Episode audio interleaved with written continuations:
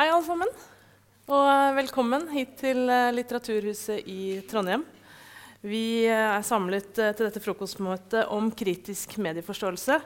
Er det viktig, og hvordan kan det læres? Mitt navn er Kristine Mek. Jeg er direktør for kommunikasjon, rådgivning og analyse i Medietilsynet. Jeg er veldig glad for å være her. Jeg gleder meg veldig til denne seansen.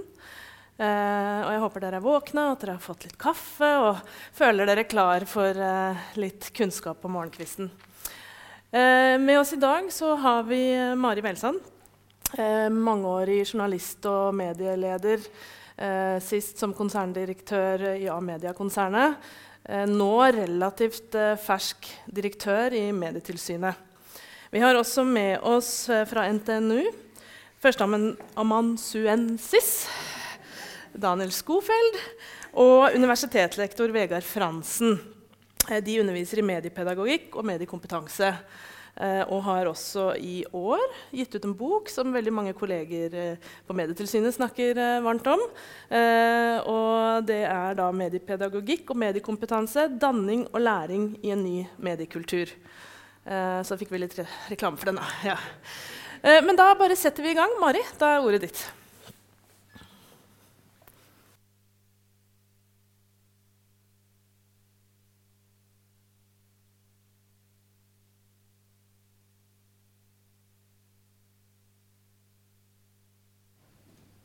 Prøver igjen. Der. Så bra. Ja. Takk skal du ha. Eh, hyggelig å se dere. Det er jo alltid litt spennende hvor mange som eh, er våkne til å gå på møte klokka åtte om morgenen. Eh, men eh, det er jo da vi har eh, mest energi i løpet av døgnet, de fleste i hvert fall. Eh, så la oss håpe at vi får en god time sammen. Og så er vi jo ikke flere her enn at det går an å, å spørre og ta ting underveis. Så hvis det er noen som har spørsmål eller kommentarer, så ta det gjerne løpende. Eller så har vi også litt tid til å snakke sammen eh, etter de innleggene våre. Um, jeg er eh, altså direktør i Medietilsynet. eh, og hvis ikke alle har helt klart for seg hva det er vi gjør, så er vi altså statens forvaltningsorgan på mediefeltet. Det betyr at vi har ansvar for å bidra til at staten når sine overordnede mediepolitiske mål.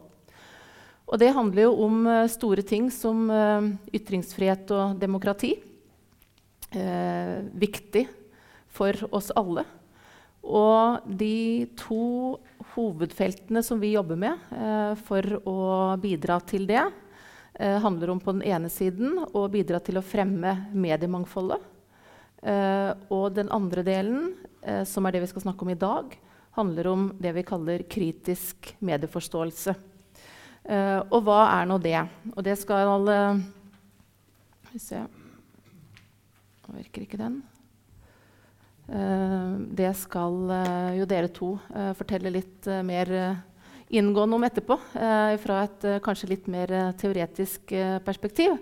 Men i hvert fall sånn som eh, vi har definert det da, når vi jobber med det fra Medietilsynets side, eh, er at dette handler om eh, den kunnskapen og de ferdighetene som vi som mediebrukere må ha eh, for å kunne både orientere oss og bruke eh, mediene på en god måte. Og dette blir jo bare mer og mer krevende eh, ettersom eh, medielandskapet eh, er i så stor endring. Um, det var kanskje vanskelig nok før, når vi hadde papiravisen og radio og TV. Uh, men eh, med alle typer medier som vi nå må forholde oss til, uh, og den enorme um, informasjonsflyten som vi alle utsettes for, uh, ikke bare fra vårt eget land, men også eh, fra globale kilder, eh, så settes det jo hele tiden mye større krav til oss som mediebrukere. Og det betyr også eh, at eh, så jeg løper den løpsk her, eh, at eh, det ikke er alt vi kan eh, regulere. Eh, så sånn sett så har også vår rolle som mediemyndighet endret seg. eh, fordi at det stiller større krav til oss som mediebrukere, og da må vi også sørge for at vi som brukere har den innsikten og kunnskapen som vi trenger for å kunne bruke mediemangfoldet på en god måte. Og så er det også sånn at Mens det før var eh, eh, noen som hadde ansvar for å produsere det medieinnholdet som vi andre konsumerte, eh, så er vi jo eh, i dag I hvert fall har vi muligheten alle eh, til å være også produsenter eh, av medieinnhold. Og det betyr jo også at vi har flere roller i forhold til medieinnholdet nå enn tidligere. Hva er det så vi snakker om når vi bruker begrepet kritisk medieforståelse? Eh, og det handler om mange ting, og dette er på ingen måte en uttømmende liste. den som dere ser her. Eh, men det handler om alt fra det å vite hvordan er det du orienterer deg, hvordan er det du søker informasjon eh, i de verktøyene eh, vi har, og det landskapet vi har. Eh, hvordan er det de ulike mediene fungerer? Hva er det for som kjennetegner et medium som har en redaktør, altså redaktørstyrte medier, kontra andre medier. Um, det er viktig å kjenne til. Kildekritikk er et stort og viktig uh, område. Uh, F.eks. å kjenne til uh, hva er det som skiller de ulike typer avsenderne fra hverandre. Hva er det som kjennetegner redaksjonelt innhold kontra kommersielt innhold? For eksempel. Og så har vi jo dette med opphavsrett, altså, uh, og hva man kan dele og ikke dele ut fra ulike perspektiv, som også blir viktig å kjenne til når det stadig blir flere av oss som ikke bare er mediekonsumenter, men også medieprodusenter. Vi gjør mange undersøkelser i Medietilsynet. Blant annet jobber vi mye med innsikt knyttet til barn og unge og deres mediebruk. Uh, og der ser vi jo at uh, det begynner å bli relativt store forskjeller på mediekonsumet og mediebruken blant de yngste og de eldre gruppene. Og så vil nok dette stadig utjevne seg. Men vi ser f.eks. at uh, for ungdom så er det faktisk sosiale medier som de oppgir å være den viktigste nyhetskilden. Og det betyr jo eh, noe, bl.a. i forhold til kildekritikk. For det er jo noen forskjeller på eh, medier som da er styrt og ikke er styrt eh, av en redaktør og av redaktørplakaten f.eks. Nå er det også mange unge som, eh, ikke oppgir å, som oppgir å ikke konsumere nyheter, så det er jo seg selv en uh, utfordring i et demokrati. Men av de som da eh, leser nyheter, så er det mange som sier at det gjør de på sosiale medier. Så det er altså eh, per i dag, ifølge en stor undersøkelse som vi gjorde nå i 2018 blant barn og unge om deres medievaner, eh, den viktigste nyhetskilden for unge. Og da ser dere her at eh, 23% av guttene og 16% av jentene eh, når vi ser på 15-16 års eh, aldersgruppen, sier at de daglig leser nyheter i nettaviser. Og til sammenligning så er det altså bare eh, fem eller det er ikke helt riktig å si sammenlignbart, for det er en litt annen aldersgruppe. Der har vi tatt med hele spennet eh, 9-18 år. Så er det 5% da, som eh, sier at de leser nyheter på papir daglig. Og 15% tilsvarende for TV. Så vi ser at eh, det er sosiale medier som er den viktigste kanalen når unge konsumerer nyheter. Og så vet vi ikke nok om eh, eh hvilke kilder de da igjen bruker. fordi at eh, de tradisjonelle mediene er jo også på sosiale medier. Eh, sånn at i, eh, i, de tallene så ligger det jo ulike typer kilder igjen. Så det er ting som vi ønsker å finne ut mer om. Vi har også gjort en uh, egen undersøkelse om dette med falske nyheter blant uh, unge. Og av de vi spurte da, så er det 66% når vi ser på aldersgruppen 15-18 år, som var gjenstand for denne undersøkelsen, som sier at de daglig eller ukentlig eh, opplever å mm, se nyhetsartikler digitalt som de ikke opplever som helt sanne. Altså på et eller annet vis informasjon som ikke er eh, pålitelig. Og på spørsmål om eh, hvor de leser disse sakene, så er det flest da som sier at det gjør de på sosiale medier. Og Bryter vi det ned igjen, så er det Facebook som er uh, den kanalen der flest opplever at de leser noe som de eh, tenker at ikke er sant. Det er jo kanskje også naturlig fordi det er en, uh, en, stor kanal. Men når vi ser på generelt sosiale medier, hvilke plattformer og kanaler som unge bruker mest, så er jo Snapchat større enn Facebook når det gjelder konsumet. Her kommer et interessant uh, poeng. fordi at uh, Ungdommen opplever jo selv at de er uh, flinke til å forholde seg til disse tingene. Altså at de har en god evne til å forstå f.eks. For om noe er sant eller usant. til å skjønne hvis det er noen som prøver å få dem til å tro på noe som ikke er sant. og til å orientere seg inf i informasjonen på nett. Sånn at det er, det er ingenting i veien med selvtilliten eh, når det gjelder å, å, forholde seg til dette. Og så stiller jo vi spørsmålet eh, er det virkelig eh, så bra, står det virkelig så bra til. Og det er jo noen andre undersøkelser og annen type forskning som tilsier at de nok har i overkant tro, mange, på sin egen evne til å orientere seg i dette bildet. Eh, det er jo forskere blant annet, som har fulgt eh, unge i, eh, og sett hvordan de orienterer seg eh, på nett, og som rapporterer at eh, evnene til å finne fram informasjonsflyten nok på langt nær er så god som tallene i en egenrapportering skulle indikere. Så har vi også dette med eh, netthat og hets, som jo også er en eh, demokratisk utfordring, rett og slett. Og der eh, viser undersøkelser Dere ser noen tall her i forhold til eh, hvor mange eh, menn og kvinner som har opplevd å være utsatt for trusler eller hatefulle meldinger på nett. Eh, det er jo av det mest grove slaget. sånn at hvis du spør om ubehagelige kommentarer eller opplevelser, så er de tallene betydelig høyere. Men dette er altså de mest alvorlige tilfellene. Og det er jo interessant at Her ser vi ganske store kjønnsforskjeller i forhold til eh, hva som er utgangspunktet for det man opplever å bli utsatt for. Dere ser at uh, det er noen forskjeller her på hva kvinner sier og hva menn sier i forhold til uh, akkurat det. Og så er det jo da en fare for at uh, det at man blir utsatt for eller opplever trusler eller ubehageligheter når man deltar i debatten, at det gjør at man faktisk tenker at nei, da er det ikke verdt det. Da lar jeg heller være. Og hvis vi får det på den måten, så er jo det virkelig en uh, utfordring for eh, det demokratiske ordskiftet. Det var litt om, eh, om bakgrunn og, og, faktagrunnlag. Og så tenkte jeg skulle si litt om eh, hva som er eh, vår rolle fra Medietilsynets side når det gjelder dette feltet. Hva er det vi gjør? Det ene som vi ser på som en viktig oppgave for vår del, er å jobbe med innsikt og analyser. Eh, ikke på et eh, forskningsnivå, eh, men, men i, i, mindre målestokk. Men vi er jo også interessert i å, å, styrke og øke samarbeidet vårt med forskningsmiljøer. For vi tror at her kan vi utfylle hverandre. Og at vi kommer over og berører noen ting i våre analyser som det kan være interessant å dykke dypere ned i for de som kan gjøre det. Men vi gjør bl.a. Eh, som jeg nevnte, en stor undersøkelse om barn og unges uh, mediebruk. Det gjør vi én uh, gang hvert annet år. Det har vi gjort gjennom mange år. og Det betyr at vi kan følge utviklingen over tid i forhold til barn og unges mediebruk. Og da eh, selvfølgelig handler det mer og mer om eh, digitale medier.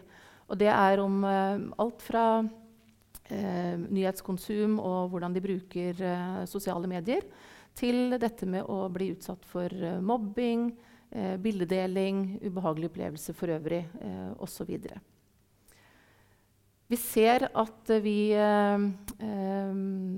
trenger mer innsikt og kunnskap. Eh, også når det gjelder eh, andre grupper enn barn og unge. Så vi planlegger nå det vi kaller en, en, nullpunktsmåling, en litt større undersøkelse, for rett og slett å få vite mer om tilstanden når det gjelder dette med kritisk medieforståelse i befolkningen. Dataspill og sosiale medier er området vi jobber med. Vi hadde en stor uh, konferanse om det nå på fredag. Vi jobber sammen med Lotteritilsynet om uh, en handlingsplan der vi lager et utkast til, uh, på oppdrag fra regjeringen i forhold til tiltak mot spillavhengighet. Vi har akkurat hatt et oppdrag for Barne- og likestillingsdepartementet om å utarbeide sammen med Forbrukertilsynet forslag til etiske retningslinjer når det gjelder dette med kroppspress i sosiale medier. Og vi jobber med å utvikle helt konkrete verktøy i eh, dette med å fremme og øke den kritiske medieforståelsen. To ting som vi har lansert i år. Det ene et samtaleverktøy til bruk for foreldre. eh, om dette med digital dømmekraft, som vi har eh, laget sammen med mobbeombudene. Og så har vi eh, lansert et nytt undervisningsopplegg beregnet på ungdomsskolen om kildekritikk. Og der har vi samarbeidet med Utdanningsdirektoratet og med faktisk.no. Eh, .no. Så jeg tenkte jeg skulle avslutte med å vise dere da eh, bare et lite glimt fra det. Vi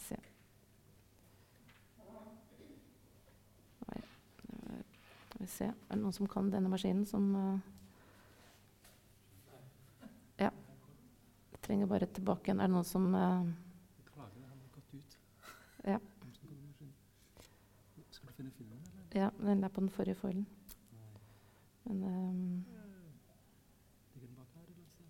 Er i presentasjonen. Vi må tilbake på den.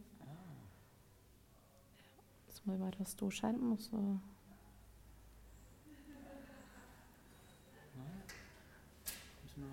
Dere er vel uh, Mac-spesialister, så dere kan kanskje få opp en Ja, så jeg bare trenger å få stort bilde, og så Ja, så bare får vi den i gang. Bare starte den. Nei. Er den virket i sted?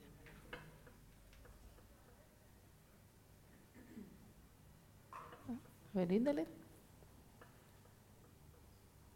Ja. ja.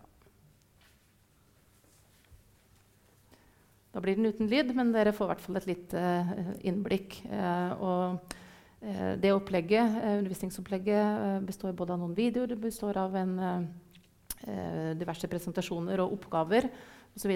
som lærerne da kan bruke i, i undervisningen.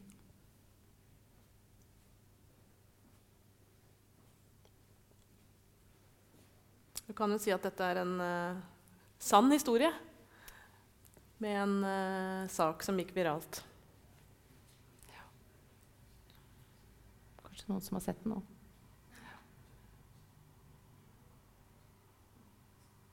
Ja. Takk skal du ha, Mari.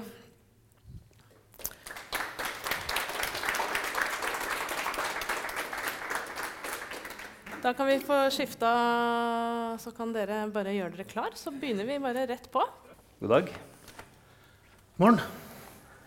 Vi eh, takker jo veldig for at vi fikk komme hit og snakke litt til dere om ting vi er opptatt av. Eh, så vi tenkte vi skulle eh, si litt om eh, hvordan vi forstår det her begrepet med kritisk medieforståelse.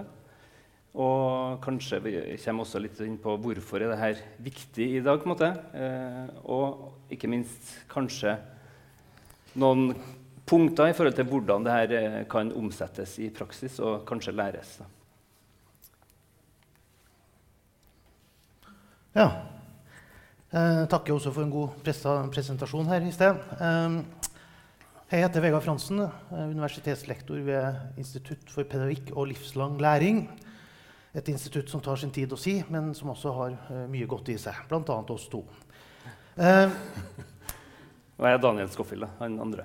Ja. Sånn ser vi ut på en god dag, og sånn ser det ut når vi har fått ordna med en ny bok, f.eks. Og det er jo litt av grunnlaget for at vi kanskje er her, at vi har skrevet litt om mediepedagogikk og mediekompetanse. Det er noe vi jobber med daglig. Vi jobber også med noe, et begrep som heter mediedanning også Det kan jo være at du kommer litt inn på det begrepet. Ja. Jeg tenker bare, Det er ikke noe sånn at vi skal selge bøker, altså, men jeg tenkte bare vi kunne sende dem rundt litt, så får dere bla litt hjem i tilfelle dere syns det vi sier, blir litt for enkelt. eller noe sånt. Ja, Kan vi ta en titt på det. Ja, vi skal si litt. Vi skal si litt om eh, hva vi forbinder med kritisk medieforståelse hvorfor det er viktig, og også det her biten med mediepedagogikk. Da, altså, hvordan kan vi lære det bort, eller undervise om det. Ja. Da kan jeg jo spørre, da. Er det noen av dere som har brukt noen medier i dag? da? Bruker å spørre eh, studentene om det. Klokka åtte, ikke sant? så det er ganske tidlig på dagen. Eh, det er jo velkjente begreper sånn som digitalisering, som vi, eh, mange av oss kjenner til. Det blir også poengtert i veldig mange situasjoner som klart er et viktig trekk. Men noe som vi tenker, altså det er jo alltid vanskelig å gi en uh, samfunnsanalyse midt i utviklinga. Vi er, jo der nå. Det, altså Sosiale medier er en veldig ny oppfinnelse hvis du tenker menneskehistorien. Eh, men man kan tenke seg at det er noen trekk som vi kjenner litt på. F.eks. at uh, hverdagen vår er rimelig prega av mediebruk. Og Et begrep som, som på en måte tar litt tak i det, er medialisering. Og sånn som vi forstår det, så det, handler det om at vi ikke bare blir påvirka av eh, media, men samfunnet er basert på media. Medielogikken og mediespråket sprer seg inn i det andre vi holder på med. For eksempel, det er kanskje lettest å forstå hvis man tenker politikken. Hvis du er politiker i dag, så er det egentlig en veldig vanskelig oppgave hvis du ikke er veldig dreven i mediekommunikasjon. Kan du si også litt med En ting politikere og politikken. Det, du snakka om demokrati og ytring. Også det foregår i små forum på sosiale medier, f.eks. Mm. Så litt vanskelig det spørsmålet du stilte. da. Er det noen som måte ikke har brukt medier? Medialiseringen går så dypt um, i oss eh, på alle mulige plan. Det det. Så et annet beslekta begrep handler om det. Dyp medialisering. Altså at uh, det mest intime ved oss, og det som handler om vennskap, familie, relasjoner og det sosiale, praksisen, også er uh, dominert og prega av mediebruk. Vi kan jo se et lite klipp som illustrerer det litt. Ja. For poenget er det er ikke helt lett i dag å si hva er mediebruk.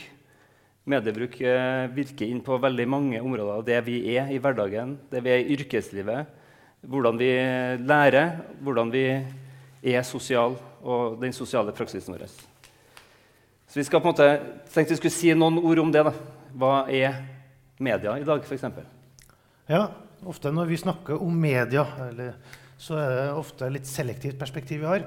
Vi tenker kanskje enten på medieindustrien, kanskje er det produksjonen, kanskje er det mediebruken vi er mest opptatt av. Men eh, jeg er litt opptatt av at vi også nyanserer det eh, begrepet litt òg. Hva er det som innebærer med media, eller medier? Helt klart eh, publikum og alle de forskjellige faktorene som ligger hos publikum og mediebruk, som konsumenter, f.eks. Men vi har jo også type hva, medietekster, hva som finnes i medietekster av innhold, hvordan ting fremstilles. Hva er det som trekkes frem, hva er det som utelates? Hvordan det fremstilles i hele tatt.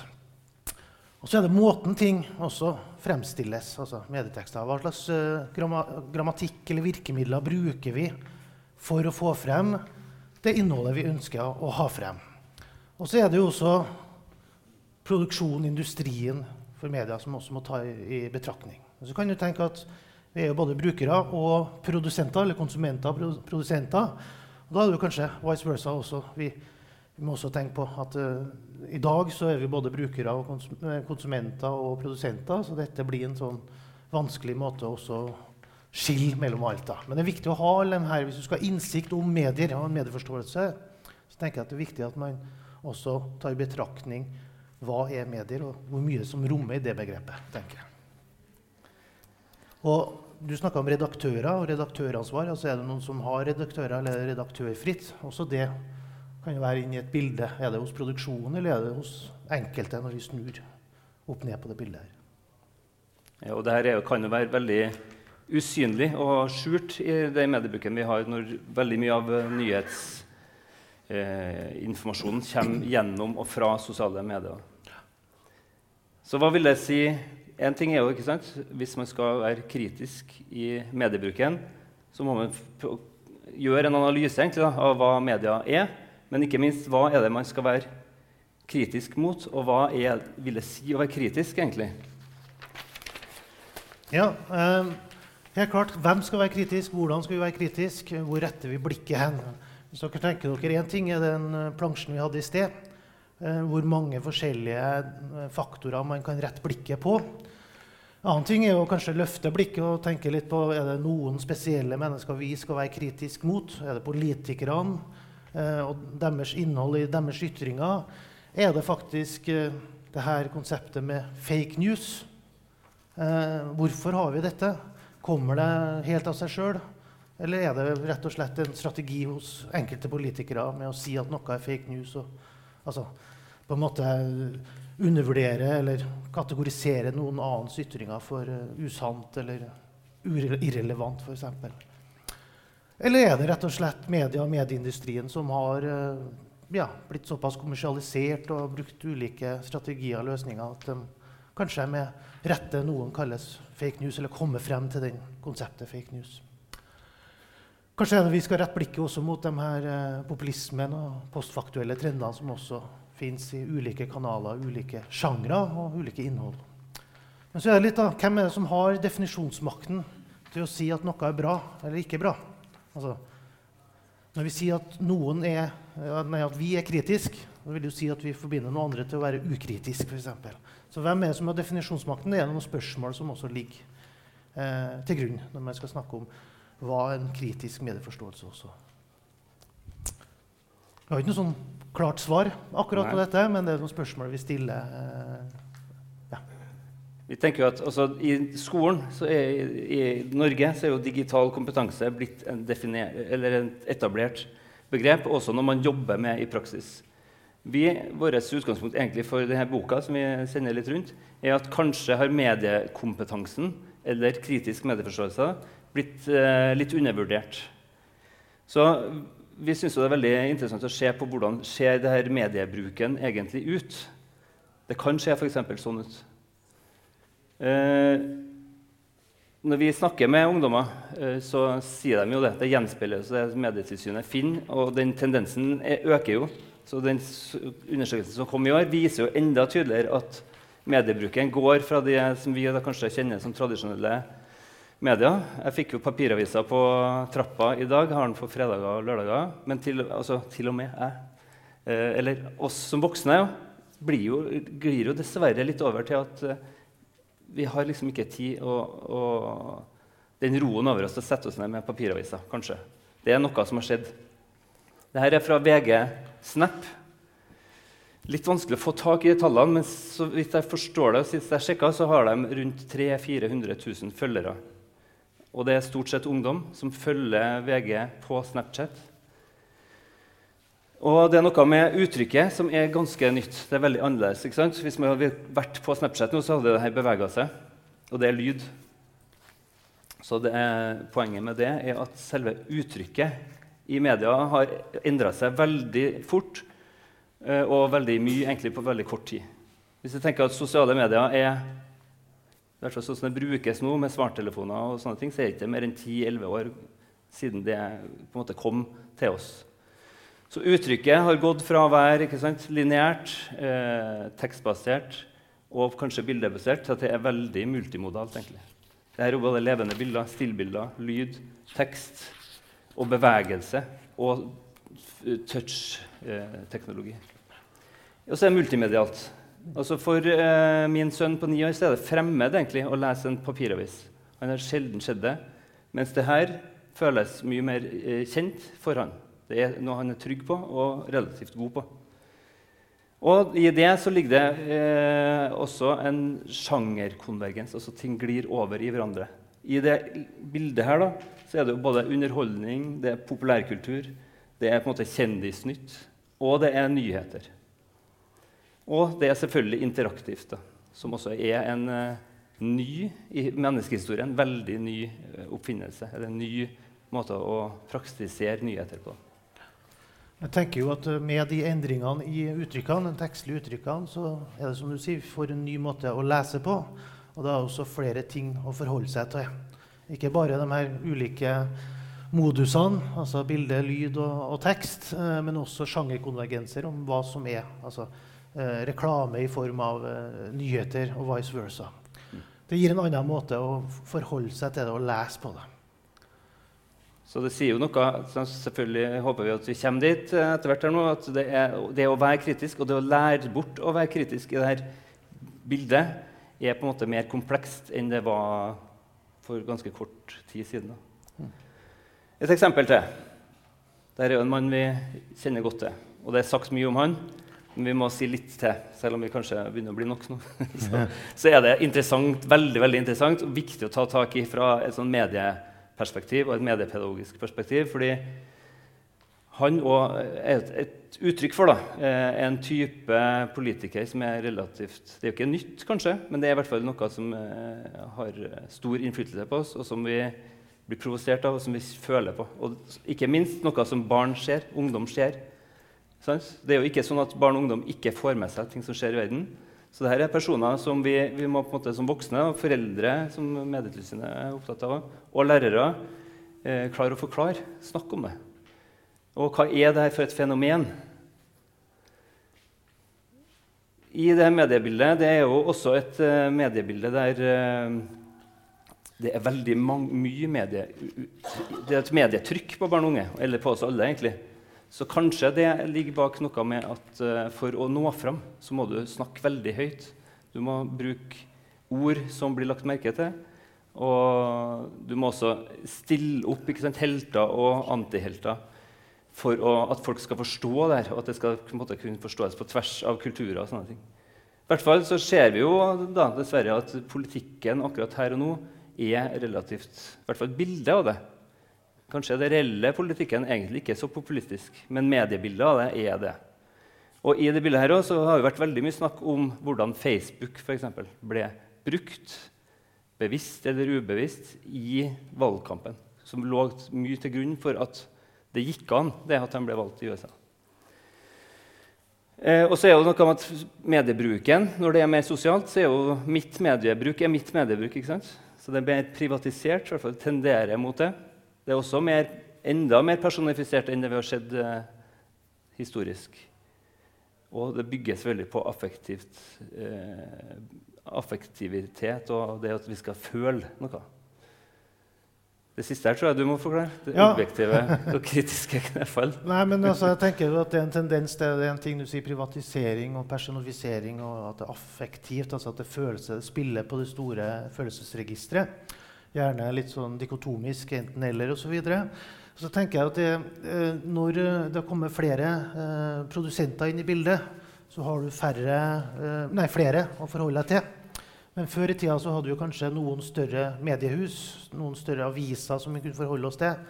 Men hvis man har flere som på en måte formidler nyheter, så blir det vanskelig å finne liksom en, en stødig eh, institusjon man kan forholde seg til. Og jo flere som er demagogisk og eh, affektiv i en form for nyhetsformidling, jo mer sliter også de tradisjonelle mediene, som også har på en måte blitt litt mer kommersielt og har brukt litt større ord og også basert seg på den tendensen. Og da kan man jo kanskje si at eh, ja, hvem er det man kan forholde seg til? Som man vet man kan være trygg på, som man kan stole på. Den kanskje er det kanskje ikke like lett lenger å forholde seg til. Selv om man har god tro til kanskje de største mediene. Men ja, måten de fremstiller noe kan også gjøre at man mister litt av tiltroen, troverdigheten til det. Ja, så Medieuttrykket og medieinnholdet har endra seg. I tillegg så er det selvfølgelig det med selve mediebruken. Eh, blant barn og unge, men også resten av befolkninga, så går mediebruken de siste årene i hvert fall. Hvem vet hva som skjer om ti år? Men akkurat her og nå så er det smarttelefoner og det sosiale medier som dominerer mediebruken. Og nyhetsbruken også. Da. Og det er jo litt sånn viktig å prøve å forstå det her som pedagoger hvis man skal være, klare å for lære bort, da, eller i hvert fall diskutere hva kritisk medieforståelse skal være for barn og unge. For da hjelper ikke om vi kommer med hvordan du leser en nyhetsartikkel i en papiravis.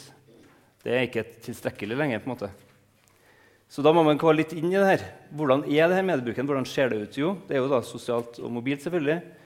Også, som vi nevnte i stad, det tenderer mot å bli Da tenker vi privatisert i forhold til at mitt mediebruk i hvert fall så kjennes det sånn ut for den enkelte barnet og den enkelte ungdommen at det, det er du sjøl som bestemmer det. på en måte. I morges for eksempel, så ville jo mine tre gutter da, gjerne se noe barne-TV, for de er sur og gretten før de får mat. Så da hjelper ikke det. De syns det er veldig spesielt hvis jeg krever at de skal se det samme på, på TV-en. Fordi de er jo to, fem og ni år, så de har helt ulike preferanser. Så for dem så er det tryggest og best og mest komfortabelt om de får se tre ulike barne-TV-sendinger. Så vi har våre egne preferanser, og det er noe som man vil få tilfredsstilt i mediebruken. Ja, så er det med nyheter er nok mer en, ikke en egen praksis lenger. På en måte, I hvert fall ikke i så stor grad. Man setter seg ned og ser en hel TV-sending fra introduksjonen til det er ferdig. Men man ser enkeltsaker eventuelt. Eller man klikker seg inn på det som kommer i en nyhetsfeed. Det er mer snakk om en medieflyt. Og I det da, så blir jo nyhetene også mer fragmentert. Det er enkeltsaker. Kanskje ikke like mye kontekst, ikke like mye innramming som en uh, nyhetspresentatør i NRK for eksempel, gjør. At man rammer det inn i en forståelse. Og det er lokalt. sant? Vi sitter her i Trondheim, men hvem vet hva den enkelte får inn fra verden? Så vi lever i en slags sånn balanse mellom globalt og lokalt nyhets- og mediebruk. Det som er interessant også, er at i, det mediebildet her, så er det sånn at uh, det å få tilgang til informasjon er ikke lenger forbeholdt dem som er godt utdanna, eller som er på en spesiell alder. eller sånne ting. Så Man får med seg nyheter. Om enn det er fragmentert, så Barn og unge måte har også tilgang til det som voksne før hadde litt mer eksklusivitet på. På godt og vondt. Men så får man da i det nye informasjonskløfta, fordi det vet jo ikke helt forskning. Hvert fall ikke så vidt jeg har lest meg til. Hvem er det som klarer å være kritisk i dag? Det er veldig viktig og interessant å ta tak i. Og kanskje også en uh, utfordring til f.eks. skolen da, å ta tak i at, at dette er noe alle bør lære. Ja. Så hvordan kan dette læres, da? Har jo gitt et lite innblikk eller hva vi tenker på i forhold til endringer i um, uttrykksmåte og innhold og mediebruk. Altså bruken av dette. Og uh, så er det jo litt sånn at det ofte har vært skolens oppgave å, å danne demokratiske, kritiske borgere opp gjennom tiden. Det er skolen som skal utdanne fremtidige borgere. Og her er også et lite perspektiv på uh, hva som har vært kompetansekrav opp gjennom tidene. Og det kan jo selvfølgelig diskuteres om den øverste delen av modellen, men den nederste delen beskriver jo egentlig litt sånn ja, hvordan det eksploderer her eh, i siste tida i forhold til krav man trenger for å, for å være med i verden, forstå, eh, være demokratisk deltakende. Eh, ja, det var det du Hvis man har det andre bildet i mente, så er det litt sånn hva er det som trengs i dag? I forhold til kompetanse, eller literacy, som heter, som er et, også et begrep som man kan bruke. Literacy det forbinder man jo tradisjonelt med det å lese- og skriveferdigheter. Litterat. Men så er det jo det at vi i dag har fått en ny type literacy-krav som er ja, viktig for å være med i media, forstå media, eh, tolke media og bruke media. Og det er jo det vi kan uh, vi har jobba med da, opp gjennom tida, forskjellige typer begreper om uh, hva slags kompetanse som trengs. Uh, vi snakker kanskje mest om media literacy, selv om mange også snakker om digital literacy, som vi mener går inn i media literacy. Og vi også ser på litt her med fellesskapsbasert medieliteracy. For det er ikke bare tolkning og skriving, men det er også det å ta i betraktning det kontekstuelle rundt som vi forbinder med i fellesskapet.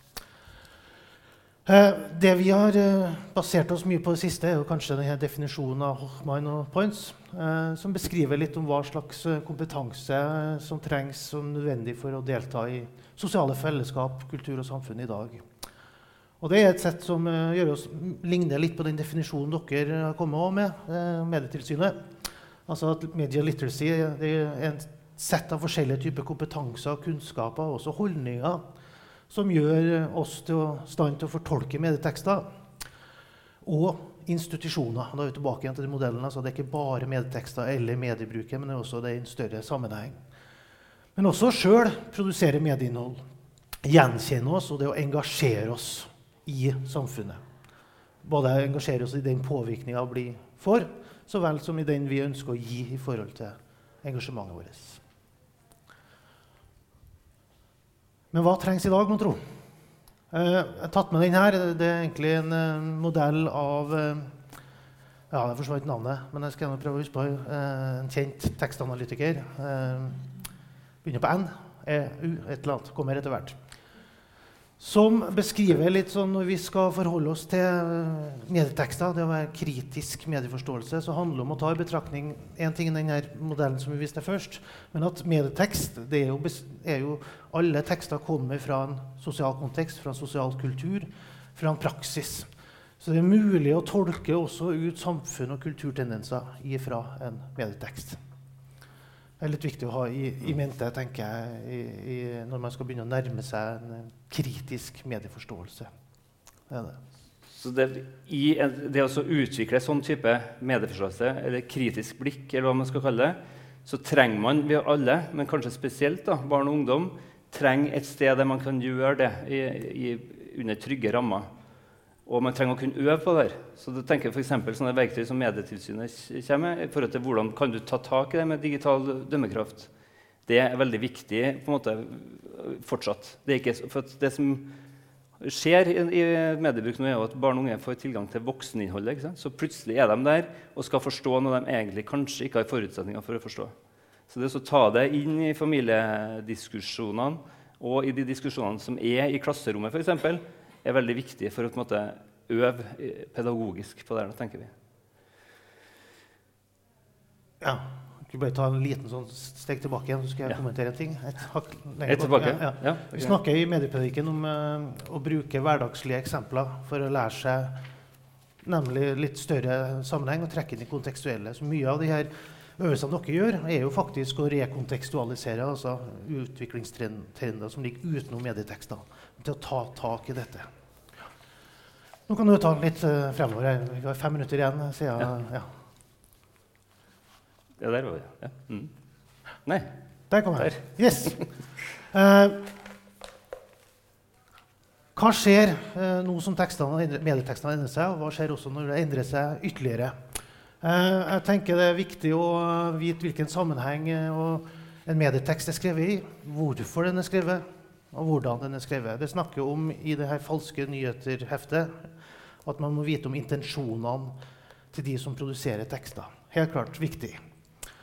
Kanskje Før så var man jo opptatt av eh, hvem var forfatteren, eh, hva var intensjonene så vel, eh, så vel som det med kildekritikk var en sånn eh, alfa og omega-trend.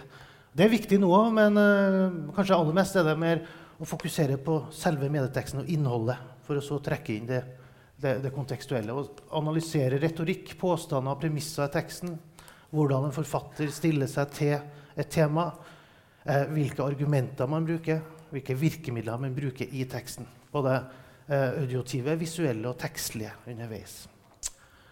Så eh, medietekstanalyse mener jeg kan være en, eh, et verktøy til å ja, gå i bakgrunnen av tekstene. Hva er det som egentlig formidles, hvordan det formidles, og hvilke intensjoner det formidles med. Klargjøre det. Samtidig er det viktig å øve seg å ytre òg. Det går an å snu den prosessen om igjen. Altså, å få trygge omgivelser til å ytre seg demokratisk i uh, sosiale medier, slik at man uh, ikke blir redd for å, å, ytre seg hvis man får motbør. Men det er altså hva er det du skal ytre? Hvordan skal du formidle ytringa di? Altså, at man snur denne uh, klassiske tekstanalysen i bruken også når man skal lære barn og unge for eksempel, å ytre seg. Det. Viktig. Ja, skal vi avslutningsvis selvfølgelig vise til en modell. Vi er glad i det, vi som er helt med teori. Dere trenger ikke å pugge den her, for dere skal ikke ha noen eksamen. Men vi, det er jo interessant å se på hva, hvor skal man liksom legge inn trykket hvis man eh, holder på med sånn her type pedagogikk og lærer bort ting. Da. Og da er jo det begrepet veldig mange i skoleverden kjenner til, er jo digital kompetanse og digitale ferdigheter. Nå er det ikke nødvendigvis en sånn rekkefølge over hva som er lettest og vanskeligst.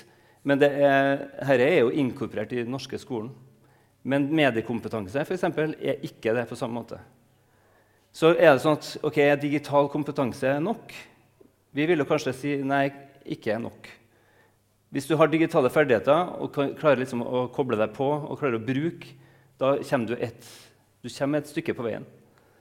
Men du trenger kompetanse for å bruke det i noen situasjoner. for å liksom gjøre et eller annet. Og da trenger du også kreativitet hvis du skal lage ditt eget uh, budskap. Og det gjør jo barn og unge, men kanskje av og til uten at man har reflektert over hva det er man skriver eller produserer. Så vi tenker jo at jo, det er fornuftig å bruke en del tid på det her i dagens verden. fordi sannsynligvis går vi ikke tilbake til uh, at papir og blyant blir det viktigste. Det vil fortsatt være veldig viktig å klare å uttrykke seg digitalt med digitale verktøy. Men så er spørsmålet bør man egentlig kanskje legge inn enda mer vekt på det øverste nivået her, hvis man skal klare å navigere i dette medieverdenen. For hvis det er sånn at Verden er ikke bare digitalisert, som vi sa i sted, det er også medialisert. Du trenger ikke egentlig så veldig mye teknisk kompetanse for å se VG Snap-nyhetene. Fordi du er på Snap, du bare trykker på app-ikonet. Men for å klare å være kritisk reflektert så trenger du tid. Man trenger veldig mye tid. egentlig på å klare å stille spørsmål ved ting som blir tatt for gitt i verden, som er en viktig del av kritisk refleksjon. Og ikke minst det å kritisk evaluere hva er det jeg gjør, hvilke valg gjør jeg, og hvilke handlinger gjør jeg. kanskje man klarer da å stoppe seg sjøl før du gjør noe som var dumt. Eksempel. og ikke minst metarefleksjon. Det å klare å se da, utenfra på seg sjøl krever også tid. Så vi tør jo, vet ikke om vi tør det, men vi stiller et spørsmål. Skal man legge inn enda mer trykk og tid der da, i familielivet og skolelivet? Og da er vi egentlig der. Tilbake til det som vi begynte med. At jo, Mye av det vi har sagt, er jo faktisk inkorporert i her, den forståelsen. Det er ikke sånn som vi ser det, ikke en eh, smal forståelse, men en ganske vid. Og det tenker vi vi gir litt sånn tommel opp til det. da, på en måte.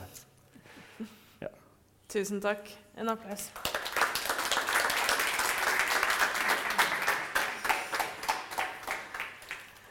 Veldig eh, lærerikt og interessant. Vi har noen minutter eh, til slutt her, så Mari, du kan komme opp. Eh, hvis det er noen som sitter med noen spørsmål inne, så skal dere få ordet. Jeg tenkte jeg bare skulle åpne med å Du kan stelle på den siden, Mari. Dere virker jo ganske så enige om at dette med kritisk medieforståelse er, eh, er viktig. Men, men, eh, og gitt det medielandskapet vi lever i. Men hva er det viktigste vi nå må gjøre tenker dere, for å styrke den kritiske medieforståelsen? Og hvem er det egentlig som trenger det mest? Mari, du kan begynne. Så Jeg tror eh, Vi har vel vært litt inne på det, både ja, det blir eh, litt feedback, så går litt lenger frem. Sånn, jeg og, og dere. Og jeg tror det er to uh, nøkkelpunkter her. Det ene er, som du snakket om på slutten også nå, uh, skolen sitt ansvar. Så jeg vet ikke hvorfor det piper. um, og nå er det jo, som sikkert en del av dere vet, uh, det kommer jo nye læreplaner fra, fra 2020, er det vel. Eh, Så vi fra Medietilsynets side har jobbet nå i det siste med å gi innspill til det. eh, Og vi tror at eh, det er viktig at det med kritisk medieforståelse ikke ses heller på som isolert et fag, Mm. men at det er en kunnskap og kompetanse som må inn egentlig gjennomgående eh, overalt i skolen. Fordi at, eh, som dere var inne på, det er en eh, mediebruken eh, influerer alt. Eh, så i stedet for å se det isolert sett som et fag, så må man ta det inn i egentlig all undervisning. Mm. Og det andre er jo foreldrenes rolle, tenker vi, som vi også er veldig opptatt av. Altså, det er eh, mediebruken eh, minst like utbredt eh, hjemme som i andre, andre sammenhenger. Det, det inngår i alt vi holder på med. Så det at foreldre snakker med ungene sine, ikke bare om uh, altså, det tekniske, det fikser de jo sjøl, Mm. men det er den forståelsen og kunnskapen og hvordan man skal forholde seg til det man blir utsatt for, som er viktig. Mm. Daniel, Vegard, har Ja. dere Fikk, mens jeg ennå husker det. Ja. Oi, det er også isteden. Det er podkast, Ja. Mm. Så vi-. Sånn. Var ikke det bra? Jo da. Ja. Eh, Jeg tenker på at et viktig fag i skolen, det vi ofte har eh, sett eh, hittil, er jo at eh, det kommer inn som digitale ferdigheter inn i skolen. Nå er det jo ny læreplan på gang, men ofte så har det blitt de her digitale ferdighetene, ferdighetsbrukene, som har vært fokusert på. Man glemmer det her eh, ja, det øvre nivået, refleksjonsnivået, eh, det vi kaller for mediekompetanse. Den delen må inn. Eh, Å ha det som eh, på alle fag i skolen, fordelt liksom på tvers, slik de her digitale ferdighetene, de grunnleggende ferdighetene som har vært brukt hittil, kan være eh, også en risiko med det. Fordi at det blir på en måte pulverisert til alle fag, og det er ingen som tar det ordentlig i dybden. Det blir liksom Mm. Matematikk tar det her, og eh, samfunnsfagen tar det der, norsk tar det der, engelsk tar det der. Så du får liksom ikke noe dybde og ikke noe progresjon heller, selv om de har jobba med det i siste. Så jeg tenker jo at, eh, sånn for min del, at eh, det burde kanskje være inni et fag også. Norsk, f.eks. Vi kan jo bare si ja takk, begge deler. ja, Ja. jo, da, helt klart, men det som er litt sånn viktig, at det ikke, ikke fordeles tenker jeg, på alle. For da har det en tendens til å bli litt uh, fluffy, rett og slett. Uh, og det er jo på, vi på NTNU så har jo vi verdens største uh, minstefag. Eller minste største fag. Og det er jo 7,5 studiepoeng på bachelor og 7,5 studiepoeng på master. Mm. Jeg tror at Hvis det skulle fordeles på alle andre fag vi har, da, emnene, så vil det forvitre litt. altså Det forsvinner litt. Så, Mm. ja. Men jeg tror begge deler, altså. Ja, klart. jeg må bare få kommentere det, for jeg tror jo at, at du må ikke ta det og fordele, du må bare ha mer. Eh, ikke sant? At det Ja. må bli et, en, en viktigere del som må inngå i egentlig alle fag. Og så må man gjerne ha det som eh, altså noe spesifikt i tillegg. Ja. Men jeg tror man, man må ikke se på det som noe isolert, som noe eget. Fordi at det er en del av måten vi um, samhandler på, måten vi Mm. kommuniserer på, måten vi konsumerer på. Derfor så blir det så viktig at det er eh, en del av egentlig alt vi gjør, også fra skolens side. Men eh, Det er mye snakk om eh, skole, utdanning osv. Men eh, hva med menn og kvinner over 50-60? Ja, ja, ja. Er det også en, eh, en aldersgruppe vi bør være obs på? Ja, helt klart. Uh, Daniel snakka litt om at ja, lettere tilårskomne. Det er lett å bruke fortsatt tradisjonelle nyheter eh, i aviser osv. Og, så videre, og kanskje ikke alltid er like vant. Uh, lærer jo seg bruken etter hvert, men de også er flinke, kanskje litt flinkere til å, til å eh, ja, vurdere og nyansere det man leser. Mm. Antageligvis. Det er jo en god del medieforskning som viser at eh, det er jo ikke sånn at vi får et større skille mellom generasjonene, egentlig. Utfordringa her er jo ikke noe som bare gjelder barn og unge. tror jeg. Nei. Og spesielt det med falske nyheter i dag er jo ikke så lett som å si sant eller usant. Det er jo veldig mange nyanser her. Og det er, viser jo den politis, politiske utviklinga i det siste at det er jo ikke Også de som kan å velge, vil jeg tro er på en eller annen måte påvirka av uh, falske nyheter. Da. Så ja, helt klart. Også menn og kvinner over 50 og, og på 40. Og, Ja, ikke sant? Ja. Er det noen som har eh, et spørsmål eller en kommentar fra salen? Vet du hva? Da skal du få lov å eh, klemme meg, holdt jeg på å si. Ja.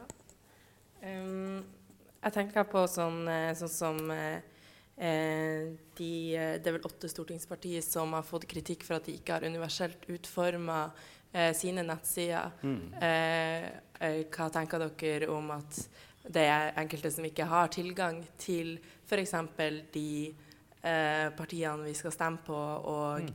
jeg tenker jo også i forhold til valg det her med at man snakker om en eldrebølge da, eh, som vil få eh, overvekt skulle jeg å si, på de stemmene som skal eh, bidra til hvem som får styr, eh, og om de da eh, ikke har denne eh, kritiske eh, tanken i bakhodet, eh, og kanskje ikke er klar over hvor personifisert, som dere sier da, eh, det de møter på kanskje Facebook eller, eller på nett, eh, faktisk blir, da. Ja, godt spørsmål. Men bare sånn, det jeg tenker, er at jo, jeg tror at her, den tabellen jeg viste her, da, viser jo at det er mange nivåer der man kan bli ekskludert og inkludert på i dag.